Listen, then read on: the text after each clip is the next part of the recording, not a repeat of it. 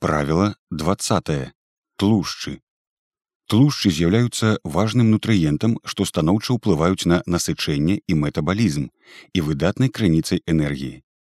Акісленне тлушчаў у арганізме адрозніваецца ад выкарыстання вугляводаў больш ашчадным рэжымам. У залежнасці ад хімічнай будовы колькасць падвойных сувязяў вылучаюць насычаныя тлушчы без падвойных сувязяў, мона ненасычаныя з адной сувязю амега-9, амега-7 і іншыя, полі ненасычаныя, дзве падвойныя сувязі амега-3, амега-6 і іншыя. Лічбы абазначаюць месца размяшчэння апошняй амега падвойнай сувязі. Тлушчы гэта не толькі крыніца энергіі, але незаменныя рэчывы, з якіх утвараюцца сігнальныя малекулы, што кіруюць шматлікімі працэсамі ў арганізме. Акрамя гэтага важнай з'яўляецца і структурная функцыя тлушчаў. Напрыклад, большасць амега-3 тлустых кіслотаў знаходзіцца ў галаўным мозгу. Рознае стаўленне да тлушчаў усталявалася паміж тымі, хто лічыць, што гэта шкодна і тымі, хто ўпэўнены, што тлушчавая дыета вырашыць усе праблемы. Насамрэч для правільнага выкарыстання тлушчаў у рацыёне трэба ўлічваць спосаб гатоўлі, спалучэнне з іншымі прадуктамі і шматлікае іншае. Давайте разбяромся, як збалянсаваць спажыванне тлушчаў.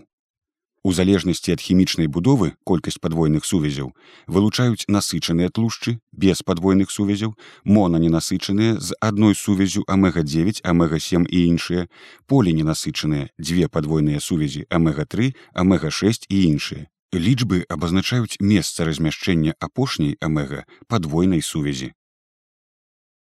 Як з'явілася праблема. З даўніх часоў людзі выкарыстоўвалі тлушчы як надзейную крыніцу энергіі. Для многіх народнасцяў эскімосы і да таго падобныя тлушчы былі галоўным нутрыентам. Традыцыйна тлушч часцей выкарыстоўваўся жыхарамі халаднейшых краінаў. У нацыянальнай кухні краінаў з умераным кліматам тлушч таксама складае значную долю аліўкавы алей першага халоднага адціску самая заўважная асаблівасць вядомай і добра вывучанай міжземнаморскай дыеты. Аднак у 50-х годах адбылося сур'ёзнае змяненне ролі тлушчаў. Пасля сардэчнага прыступу прэзідэнта ЗША дуайта эйзенхауэра і росту сардэчна-сасудзістых захворванняў у ЗША увага грамадскасці была прыцягнутая да пошуку сродкаў прафілактыкі гэтых захворванняў Шырокую вядомасць і прызнанне пры гэтым атрымала дзейнасць анселя кейса, які на аснове сваіх назіранняў абвясціў жывёльны тлушч вінаватым у захворваннях сэрца. І хоць яго работы былі ненадзейнымі і крытыкаваліся, гэты пункт гледжання стаў агульнапрызнаным і ўвайшоў у дыеталагічныя рэкамендацыі. Аўтараў, якія прытрымліваліся іншых пунктаў гледжання, такіх як Джон Юткін, ён лічыў цукар прычынай праблемы, не ўспрымалі сур'ёзна. Усё гэта прывяло да дэманізацыі халестырыну і тлушчаў, што выявілася ў рэзкім скарачэнні колькасці жывёльнага тлушчу, павелічэнні колькасці абястлушчаных прадуктаў, долі транстлушчаў, раслінных алеяў, павелічэнні ўжывання вугляводных прадуктаў, паста, мюслі, кашы, сокі і цукру. Але гэтыя змены не паўплывалі на здароўе станоўча, а толькі пагоршылі эпідэмію атлусцення ёсць меркаванне што многія з гэтых рэкамендацыяў былі падтрыманыя вытворцамі пэўных прадуктаў харчавання. З даўніх часоў людзі выкарыстоўвалі тлушчы як надзейную крыніцу энергіі. Для многіх народнасцяў эскімосы і да таго падобныя тлушчы былі галоўным нутрыентам.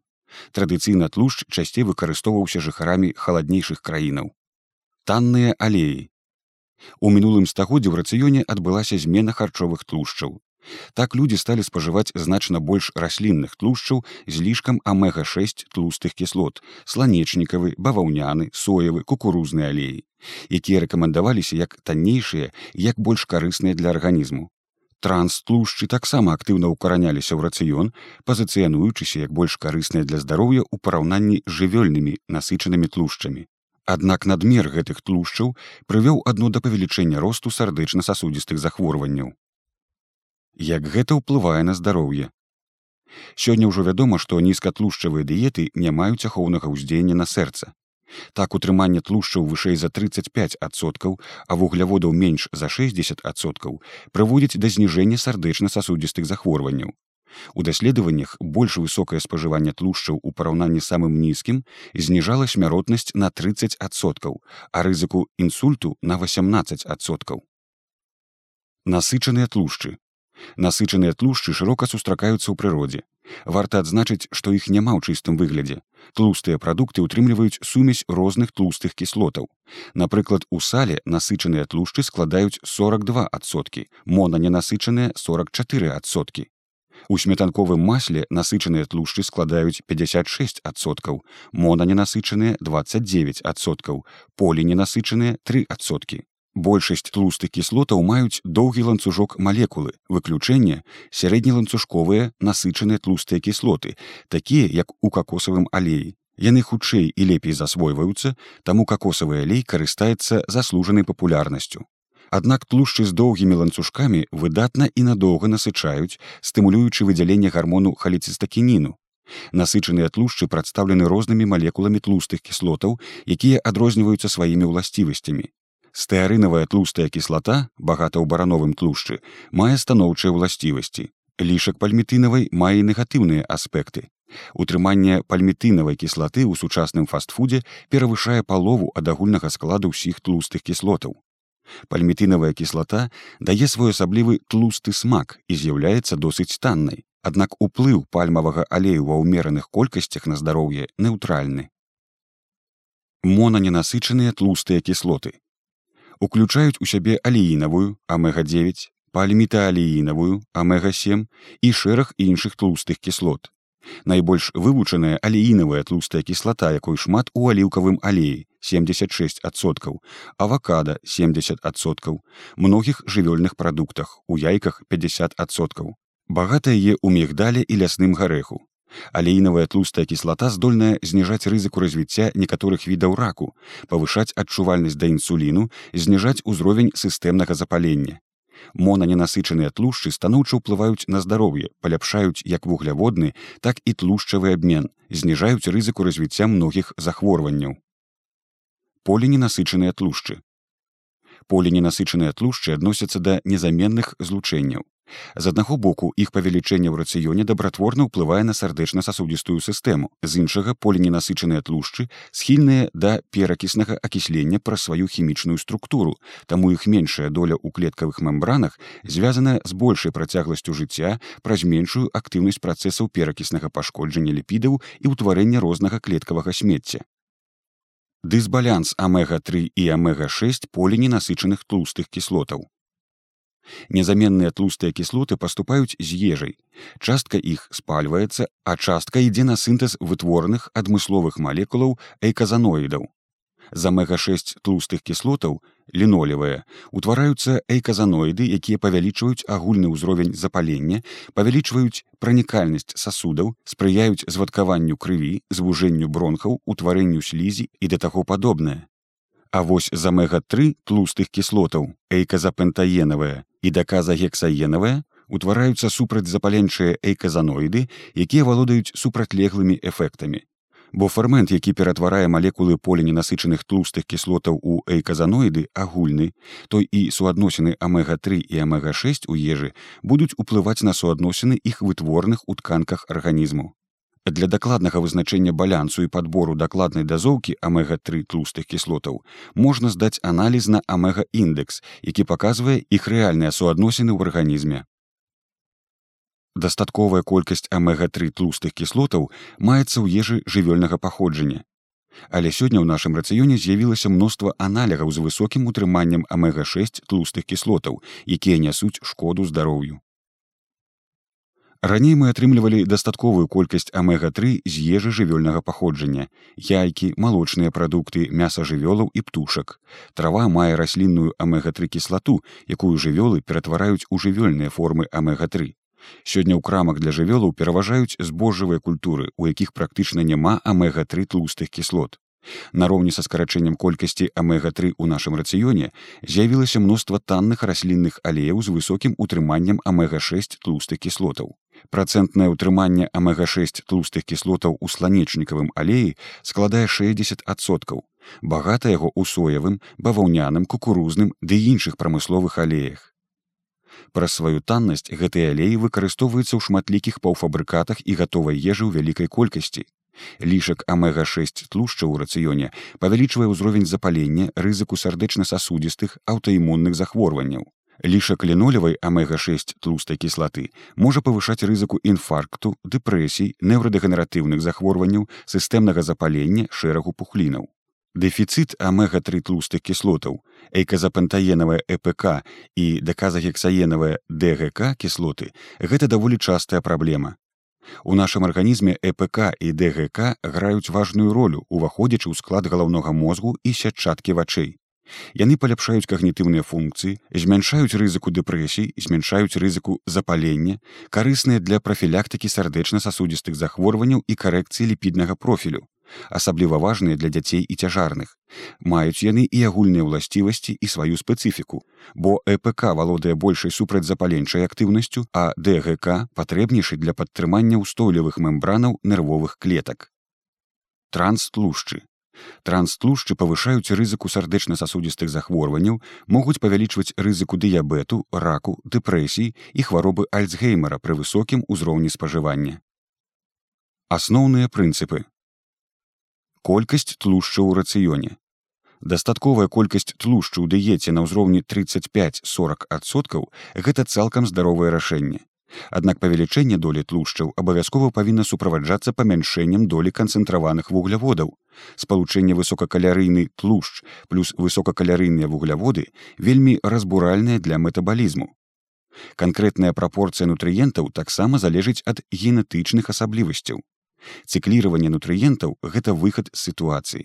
Звярніце ўвагу, што дадаваць тлушчы бескантрольна не будзе добрым рашэннем, бо яны маюць вельмі высокую калярыйную шчыльнасць і могуць прывесці да надмернага каляражу. Суадносіны розных відаў тлустых кіслотаў. Большую частку тлушчаў мусяць складаць насычаныя тлушчы з рознай даўжынёй ланцуга, ад сярэднеланцуговых да доўгаланцуговых і монаненасычаныя тлушчы. Канкрэтна іх суадносіны ў дыеце вызначаюцца генетычнымі фактарамі, якія можна выявіць пры ДНК-аналізе. Некаторым будзе карысна ўжываць больш насычаных тлушчаў, іншым больш аліўкавага алею. Аптымальнае умеранае ўжыванне сметанковага, ялавічнага, барановага, свінога, то бок сала, пальмавага, какосавага ды іншых насычаных тлушчаў у спалучэнні з монаненасычанымі тлушчамі, аліўкавы алей халоднага адціску. Больш высокае спажыванне тлушчу звязанае з паніжаным апетытам. Важна датрымлівацца аптымальнага балянсу амега-3 і амега-6 тлустых кіслотаў. Для гэтага неабходна паменшыць спажыванне амега-6 тлустых кіслотаў, паўфабрыкаты, алеі, накшталт соевага, сланечнікавага, кукурузнага, кунжутнага, канаплянага і да таго падобных і павялічыць спажыванне жывёльных формаў амега-3 тлустых кіслотаў, марская рыба, морапрадукты, мяса і яйкі. У цэлым трэба скараціць колькасць поліненасычаных тлустых кіслотаў, асабліва атрыманых з алеяў. Гэта значыць, што варта пазбягаць абсалютнай большасці раслінных алеяў, уключна з ільняным алеем, за рэдкім выключэннем, аліўкавы, какосавы і некаторыя іншыя. Суадносіны амега-3 і амега-6. Для падтрымання здароўя неабходна датрымлівацца аптымальнага балянсу амега-3 і амега-6 тлустых кіслотаў. Для гэтага важна паменшыць спажыванне амега-6 тлустых кіслотаў, паўфабрыкаты, алеі, накшталт соевага, сланечнікавага, кукурузнага, кунжутнага, канаплянага і да таго падобных і павялічыць спажыванне жывёльных формаў амега-3 тлустых кіслотаў, эйказапентаенавай ЭПК і даказагексаенавай ДГ. Шмат амега-3 тлустых кіслотаў маецца ў жывёльных прадуктах травянога выпасу і морапрадуктах. Больш за ўсё іх у тлустай марской рыбе, Так у селядцы 16,8 грамаў амега-3 на кілаграм сырой масы. У сардзіне 25, ласосі 12, стаўрыдзе 8. Дастаткова 2-3 разы на тыдзень ужываць порцыю рыбы, каб дастаткова атрымліваць усе неабходныя злучэнні.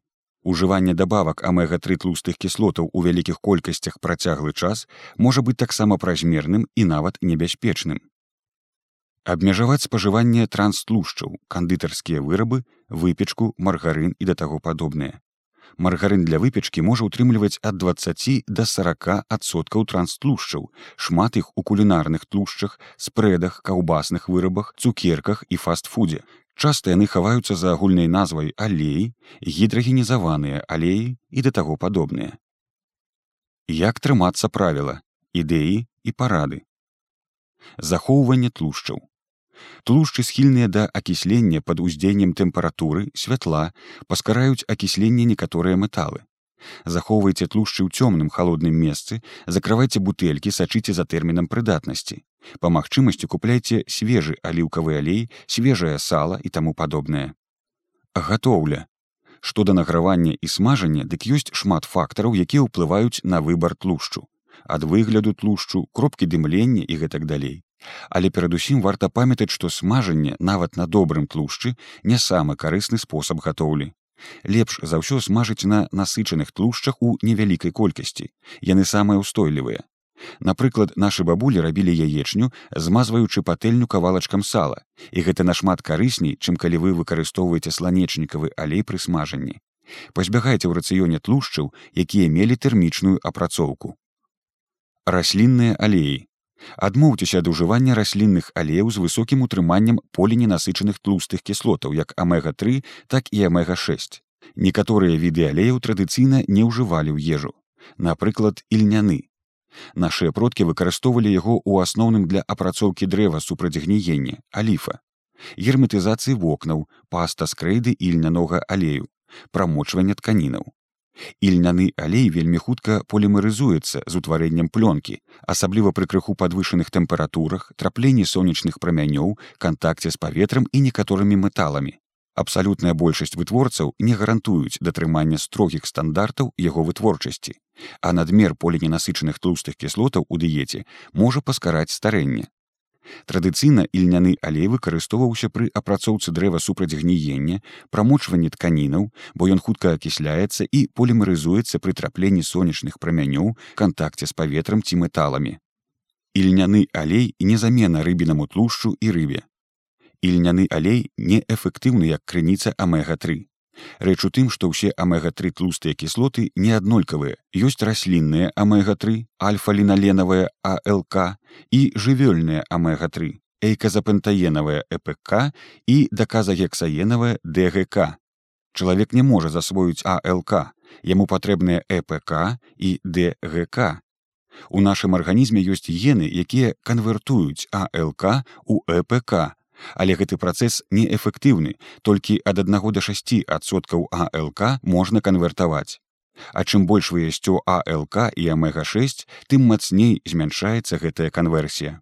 Для эфектыўнай канверсіі АЛК у ЭПК патрэбная высокая актыўнасць гена дэсатуразы FASD2 але ў 85соткаў еўрапейцаў якія ўжываюць традыцыйна больш жывёльных прадуктаў яго актыўнасць нізкая. Таму ільняны алей чыя алей грэцкага гарэха не з'яўляюцца эфектыўнымі для папаўнення дэфіцыту амега-3 у эксперыментах ужывання ільнянога масла не ўплывала на ўзровень амега-3 ў крыві але пры гэтым павялічвалася рызыка раку падкарэнніцы. Поліненасычаныя тлустыя кіслоты ў складзе цельных прадуктаў як папоўніць дэфіцыт нутрыентаў не ўжываючы алею? Ешце цельныя грэцкія гарэхі. Пасыпайце ежу кунжутнымі семкамі размяліце насенне лёну і пасыпце імі салату. У складзе цельных прадуктаў поліненасычаныя тлушчы стабільнейшыя. Амега-7 тлустыя кіслоты. Акрамя згаданых амега-9 монаненасычаных тлустых кіслотаў ёсць шэраг і іншых карысных злучэнняў напрыклад пальметаліінавая кіслата гэта асноўны прадстаўнік амега-7 кіслот. Яе шмат у рыбе, макадаміі, абляпіхавым алеі. Яна паляпшае метабалізм і змяншае ўзровень сістэмнага запалення. Спалучэнне з зёлкамі. Тлушчы выдатна экстрагуюць тлушчараспушчальныя карысныя злучэнні, у тым ліку і духмяныя. Можна настаяць аліўкавы алей на часныку, размарыне, базіліку і іншых. Запраўка салаты. Не толькі алеем можна заправіць салату ці гародніну. Вы можете таксама аддаць перавагу і шэрагу менш калярыйных заправак, кефіру, йогурту, воцату, соку цытрыны і іншым. Кетадыета гэта дасягненне і ўтрыманне харчовага кетозу, калі значная частка энергіі выкарыстоўваецца ў кетонавых целаў. Па сутнасці кетадыета імітуе галаданне, дзеля дасягнення кетозу абмяжоўваюцца вугляводы да 30-15 грамаў. Пры гэтым бялкі не павінны складаць больш за 25соткаў ад агульнай калярыйнасці. Да лекавых уласцівасцяў кетадыеты можна аднесці зніжэнне прагрэсавання некаторых відаў эпілепсіі, раку, ажно да рэмісіі. Кетадыета дапамагае знізіць узровень запалення, нармалізаваць імунны адказ. Да станоўчых уласцівасцяў таксама адносяцца паляпшэнне настрою, больш высокая сімпата-адрыналавая актыўнасць, высокія кагнітыўныя функцыі, зніжэнне голаду, кетонавыя целы прыгнятаюць апетыт, пахуданне з захаваннем цяглічнай масы, зніжэнне рызыкі шматлікіх захворванняў і гэтак далей. Пры наяўнасці любых захворванняў абавязковая кансультацыя са спецыялістам. У цэлым сярэдні і нізкакалярыйныя дыеты паказваюць лепшыя вынікі ў дачыненні да працягласці жыцця і зніжэння запалення, чым кетадыета. Да лекавых уласцівасцяў кетадыеты можна аднесці зніжэнне прагрэсавання эпілепсіі, некаторых відаў раку ажно да рэмісіі. Кетадыета дапамагае знізіць узровень запалення, нармалізаваць імунны адказ. Аднак кетадыета пры названых станах з'яўляецца дапаможным, а не асноўным спосабам лекавання. Сярод адмоўных бакоў кетадыеты адносна складанае датрыманне з кантролем кетонавых целаў і дыетычнымі абмежаваннямі. Любыя абмежавальныя дыеты павялічваюць рызыку парушэнняў харчовых паводзінаў. Парушэнне ліпіднага профілю, зніжэнне адчувальнасці да інсуліну, павелічэнне нагрузкі на мочапалавую сістэму, негатыўны ўплыў на мікрафлёру кішачніка, дэфіцыт мінералаў, вітамінаў, клятчаткі. Першаснае ўваходжанне ў кітоз суправаджаецца зніжэннем працаздольнасці і шэрагам негатыўных чыннікаў. Аптымальнай з'яўляецца кетадыета, якая праводзіцца перыядычна для карэкцыі пэўных захворванняў і станаў узімку, пры гэтым на тле нізкакалярыйнага харчавання і ўмеранай колькасці бялку. Істотна, кетадыета патрабуе дысцыпліны і ўважлівага пляну, Эфекты доўгатэрміновай кетадыеты недастаткова вывучаныя, гэтак жа, як і яе ўплыў на працягласць жыцця. Часта прыхільнікі кетадыеты робяць шмат памылак, пачынаючы ад выкарыстання няякасных тлушчаў да занадта вялікай колькасці бялку. У цэлым кетадыета хутчэй лекавая працэдура для людзей, якія дакладна разумеюць, дзеля чаго да яе звяртаюцца. Больш тлушчу Многія людзі часта разумеюць параду тлушч не такі шкодны, як параду есці больш тлустага. Але проста павелічэнне колькасці тлушчу без іншых зменаў у харчаванні прынясе толькі шкоду, бо высакатлушчавыя дыеты з цукрам і канцэнтраванымі вугляводамі адно павялічваюць запаленне, рызыку атлусцення, пагаршаюць мікрафлёру кішачніка і гэтак далей.